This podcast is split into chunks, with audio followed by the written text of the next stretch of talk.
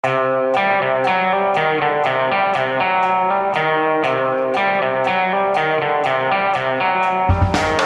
Line Andersen mot NRK startet i Oslo tingrett i dag, og Høyre skroter kontantstøtten. Dette er Giæver og gjengen. Det er tirsdag den 18.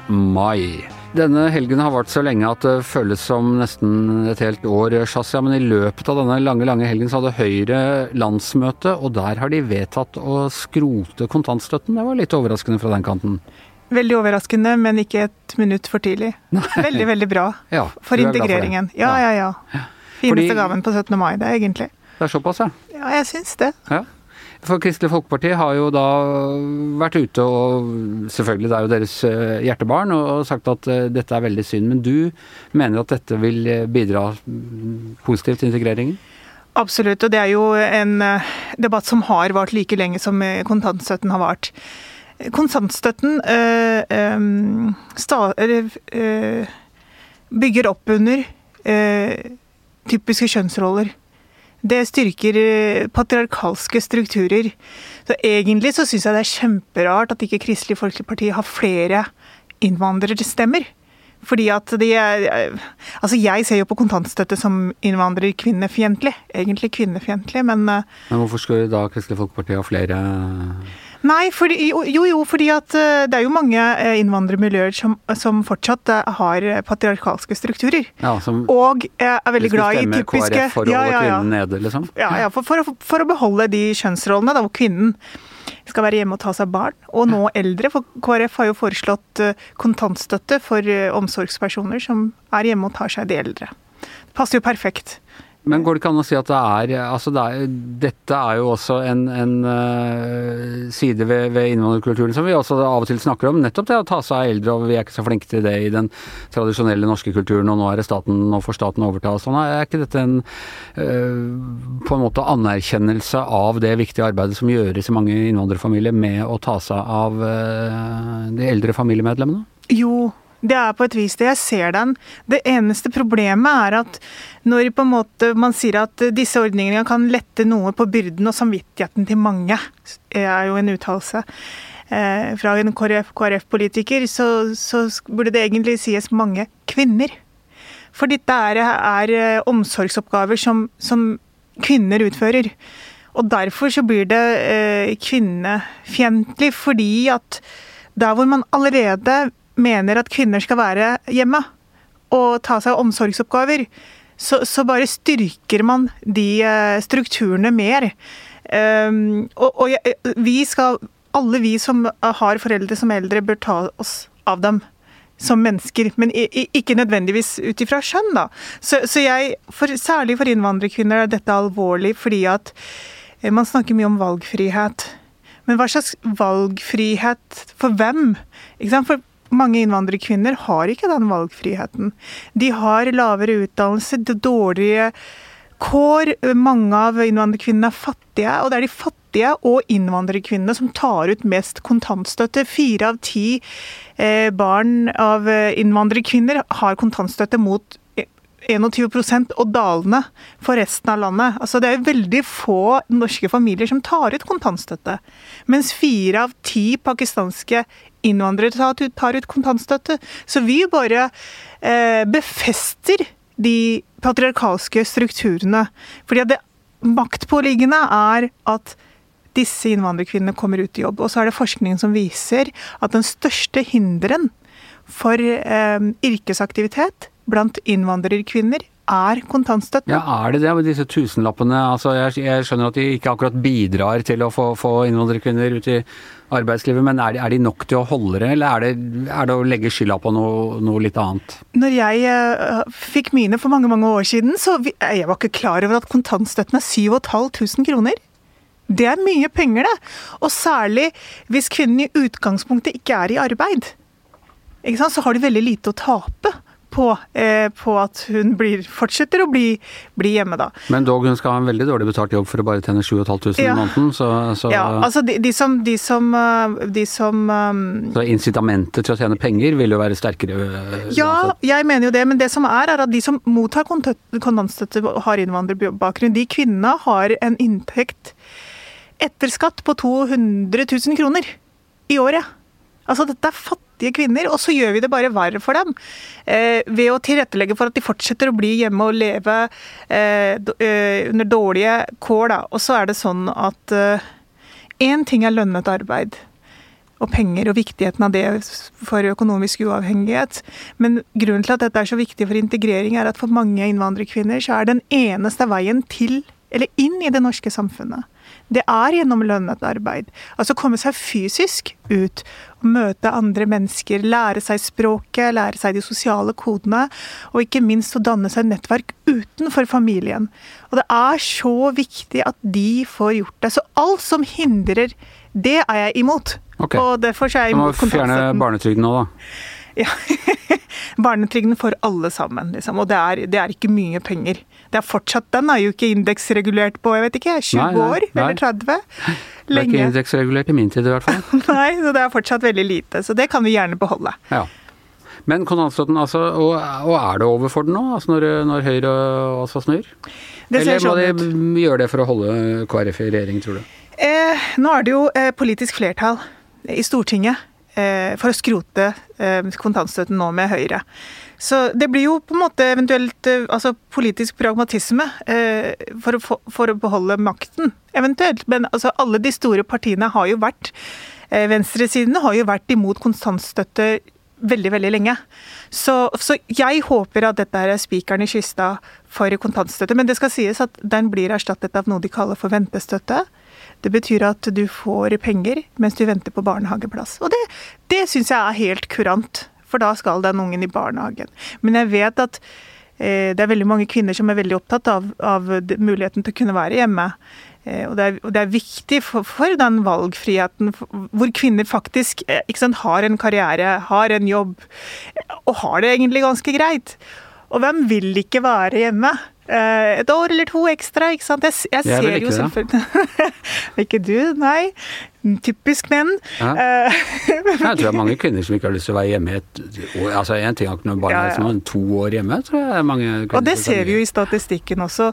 Men fakta er jo at uh, de fleste som tar ut kontantstøtte, der er det kvinner som blir hjemme, det er ikke mannen som blir hjemme. Og det er liksom litt problemet. Men er det sånn at vi må gjennom en periode hvor altså alle innvandrerkvinner må ut i jobb, koste hva det koste vil, til man liksom får i integreringsprosessen ja. til å ordentlig liksom gå av seg selv, og så kan vi begynne å snakke om å være, være hjemme et par år? Det som er utfordringen, er at vi, vi kommer alltid all fremtid til å ha nye generasjoner med innvandrerkvinner. Så dette kommer til å være en vedvarende eh, problemstilling. og eh, etter mange mange år hvor jeg har på en måte sett på, på dette her med innvandrerkvinnenes kår og integrering, så ser jeg jo helt klart en sammenheng mellom det å komme ut i lønnet arbeid og hvordan det går med disse kvinnene.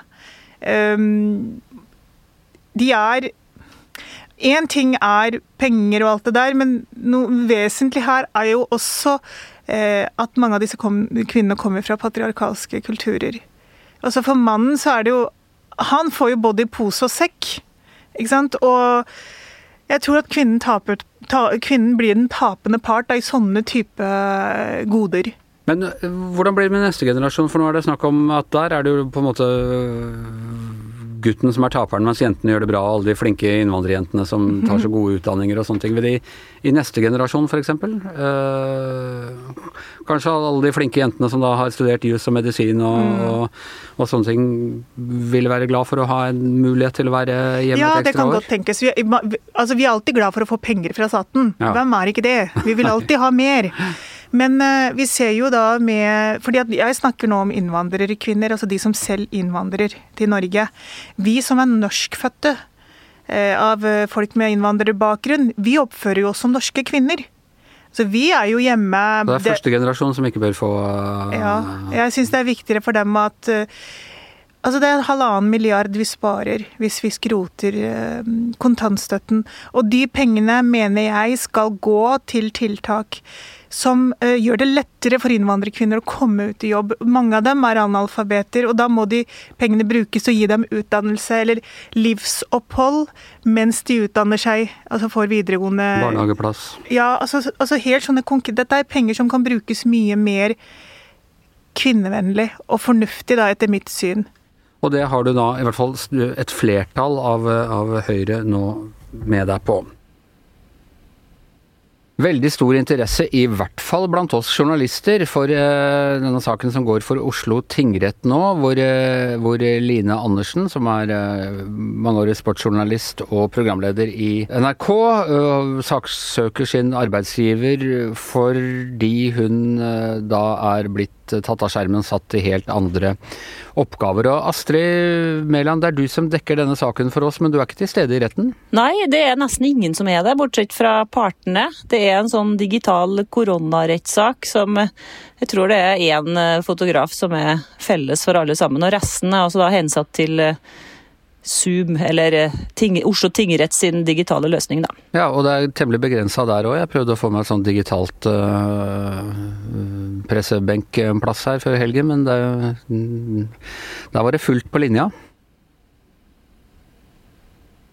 Ja, nei, det jeg tror det er ganske begrensa med plasser, ja. Det de er jo redd for at eh, det her skal spre seg, og at folk skal begynne å dele linker og sånn, noe som er selvfølgelig helt utelukket, siden eh, vi ville ha mista jobben. Så de, de er ganske strenge på, på, det. Hvis det hadde vært en vanlig rettssak, eh, med vanlig uten korona, så ville det sikkert vært ganske få publikumsplasser og ganske få presseplasser, for det er jo ikke en stor rettssak i sånn Det er et søksmål, og det er jo ikke noe stor, stor sak i sånn forstand. Det er liksom ikke eh, rettssak Hva heter det? Eh, rom 250 i tingretten er det største, det er der det er plass til flest. Nei, men samtidig det er stor interesse. Jeg tenker det, altså Selvfølgelig det er en, en kjent og populær programleder, og, og pikant at hun da uh, går til sak mot, mot uh, arbeidsgiveren som er NRK og sånn, men det er jo også noen prinsipper her som er interessante i arbeidslivet i det hele tatt. altså Uh, styringsretten for en arbeidsgiver. Uh, retten du har til å Den jobben du har, hvor mye kan du beordres rundt? Når er det, når er det en forandring av stillingen og blir satt til andre oppgaver? Det er en del sånne ganske interessante arbeidstaker-arbeidsgiver-problemer her. Ja, Anders, det er helt riktig og det tror jeg er Line Andersen og hennes advokater. De ønsker å og, og kjøre det sporet, mens NRK holder på med noe helt annet. Um, Rine Andersen mener at uh, tror jeg da, Vi har ikke kommet så langt ennå. Det er første først åpningsinnlegget her da, fra partene. Men hun mener at arbeidsgiver ikke kan skalte og valte med ansatte sånn som de vil. Um, det kan ikke være sånn at styringsretten til arbeidsgiveren er sånn at du blir satt til helt andre oppgaver i helt andre avdelinger med ting som du overhodet ikke har kompetanse til. Nå har vi jo hørt at etter at den eh, konflikten eh, oppsto i sjakkredaksjonen i eh, 2009, i høsten 2019, mener jeg. Så i etterkant av det så har jo Line Andersen vært sykemeldt en del, men også jobba. Jobba bl.a. i Østlandssendingen, eh, og jobba nå i det siste i kulturavdelingen, tror jeg, i NRK, og har fått eh, nye oppdrag om å gå på opplæring og lære seg å skrive for nett og for mobil og for uh, andre typer ting da, som um, hun mener sjøl at hun ikke har noen kompetanse til. Og Hun opplever det som en um, straff, nærmest. En ydmykelse. Fordi at eh, det oppsto en konflikt i sjakkredaksjonen som mener at NRK straffa og prøvde å få henne til å slutte. Altså en endringsoppsigelse, som hun kaller det. Eh, mens NRK mener at dette var et helt nødvendig grep som de måtte gjøre, fordi at de har ansvar for arbeidsmiljøet til alle de ansatte i eh, sporten, og i sjakkredaksjonen spesielt, og at det ikke gikk an å ha henne um, å fortsette å jobbe der før de hadde fått løst konfliktene. Det var sammenlignet med en, en, sak som gikk for ti år siden som, heter, uh, som ble kalt for inspektørdommen. Det hadde vært uh, konflikt på en skole i Oslo mellom rektor og inspektør, og en til, tror jeg. Men, men ja, det var en konflikt mellom da i ledelsen på skolen. Etter hvert mente man at denne konflikten gikk utover elever og alle, og den ble løst ved at alle de tre det var konflikt med, eh, ble plassert Fikk omtrent de samme arbeidsoppgavene, men på helt andre skoler. Eh, og hvorav denne inspektøren gikk til sak fordi hun mente at hun, hun var ikke skyld i denne konflikten. Og at det ble en slags sånn type endringsoppsigelse i realiteten. Og hun, da vant arbeidsgiver, altså Oslo kommune, i eh, tingretten, så anket hun, og, vant, og hun vant i lagmannsretten. Så, men så stadfestet Høyesterett til slutt da at Og da tror jeg jeg blar fra gjennom den dommen i, i dag, at de mente at retten kunne ikke gå inn i hva som var riktig og galt i en sånn konflikt, eh, men at eh, for å løse konflikten så man, var man nødt til å kunne omplassere folk. Så det er vel det NRK kommer til å prosedere på, da. At de får Det kan være vanskelig å si helt akkurat hva som utløser en konflikt, og hvem sa hva til hvem når, og hvem har vært oppført seg vanskeligst eller ikke. Men for å løse opp i konflikten er man nødt til å foreta omdisponering av stillinger. Ja, nå har ikke vi begynt med NRK ennå, men det tror jeg du har rett i. Eh, Line Andersen sin eh, side vil si at eh, det at hun har tatt av skjermen og flytta ut av sjakkredaksjonen og sitt vanlige arbeidsmiljø og arbeidsoppgaver, var en ydmykelse og um, en straff da, for at hun hadde starta en konflikt som hun er uenig i at hun eh, alene har ansvaret for. Mens eh, NRK altså da sier at det her var nødvendig for å bevare arbeidsmiljøet og uh, hensyn til de andre ansatte, og så måtte det gjøres noe. Um, jeg tror at Andersen sin side vil prøve å snakke om jussen, de tørre, kalde fakta, og snakke om eh, styringsretten til eh, arbeidsgiver, som er ikke nedfelt i lovverket, men som er sedvane. Og de vil prøve å si at de vil, de vil reise en prinsipiell sak om eh, styringsretten, og kanskje tenke seg at her, den dommen her skal føre til klargjøringer for alle andre òg, som står i lignende situasjoner. At jussen skal bli klarere. Ehm, så det vil de kjøre på, mens NRK mener overhodet ikke De mener at eh, det står i kontrakten at hun var journalist, at, settes, at hun kan settes på forskjellige eh, oppdrag, at det er en del av eh, styringsretten til en arbeidsgiver, og at de har ansvar for å passe på arbeidsmiljøet til alle kolleger. Jeg går ut fra at NRK også mener at det vil være litt vanskelig hvis alle som har vært programledere, har rett til å være det uh, i, i enhver situasjon. For det er jo Eh, programkonsepter kommer jo og går jo litt, og de, må, de, vil vel hevde at de har rett til å mm, bruke forskjellige personer der. Og at uh, hvis man først har vært programleder, så er man ikke nødvendigvis det resten av karrieren. Ja, absolutt. Det, det har allerede blitt lest opp uh, stillingsbeskrivelser og kontrakter osv. Andersen var altså da ansatt som journalist. og jeg vil jo, kan jo tenke meg det at En ting som sjakk for eksempel, kan jo være et forbigående fenomen i Norge. Det har ikke vært så stort før, men så fikk vi Magnus Carlsen, og Line Andersen fikk jo sin store karriere. Eh, samtidig med hans store gjennombrudd, som har vart og vart. ikke sant? Og Alle er jo enige, tror jeg, om at Line Andersen er en flink programleder. og eh, Det virker av eh, forhandlingene så langt i dag at lenge, lenge, lenge ut i konflikten her så ønska begge parter å få tilbake Line Andersen på TV som programleder, f.eks. For, for andre ting som alpint eller vintersport, men at det låste seg bare mer og mer fast, og så endte jeg altså da i det her søksmålet som Andersen gikk til da mot NRK. Og det hun krever, er jo oppreisning og erstatning. og Um, at denne endringsoppsigelsen, som hun kaller det, da, skal bli kjent ugyldig.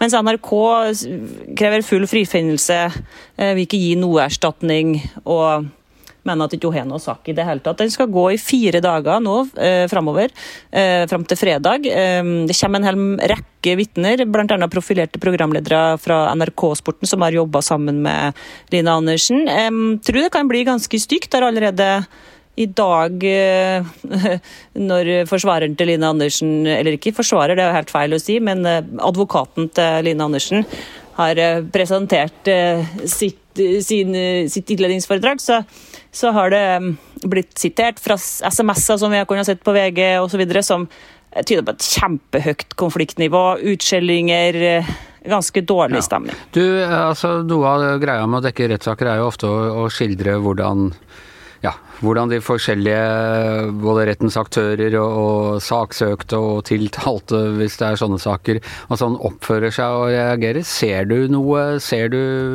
Line Andersen, ser du noe annet enn en advokat som står og leser opp fra papirene sine? Nei, jeg ser ikke engang advokaten. Jeg har vært med på sånne koronarettssaker før, der det har vært bedre. Blant annet Laila Bertheussen-saken. Der måtte noen dager sitte hjemme og se det på video, for det var fullt. Eh, da var det bedre, for da fikk vi se tiltalte. Det var jo en straffesak. Og advokaten. Men her ser vi altså bare tre, dommeren og, og tre to medhjelpere, og ser ikke engang advokaten. Så det er vanskelig egentlig å danse noe inntrykk av hva som foregår i tingretten i dag. Ok, så det er bare lyd av advokat med bilde av tre eh, tingrettsdommere som eh, sitter her. Ok, ok. Ja, da håper de ikke peller seg i nesa i løpet av uh, Eh, i løpet av dagen. Nei, det er ikke helt optimalt, altså, men eh, jeg forstår jo det at korona gjør det vanskelig, da. Ok, og du må pent følge med, for du skal rapportere om dette for oss eh, i morgen også, du Astrid? Ja da, vi skal, vi skal se hvordan det går, men jeg skal i hvert fall følge med. Med det så er Giæver og gjengen over for i dag. Her i studio Shazia Maid, Anders Giæver, på, på, link fra tinghuset Astrid Mæland, og vaktsjef er Kristina Kinne, og mannen som omplasserer alle brikkene på sjakkbrettet som utgjør podkasten vår er som vanlig produsent Magne Antonsen.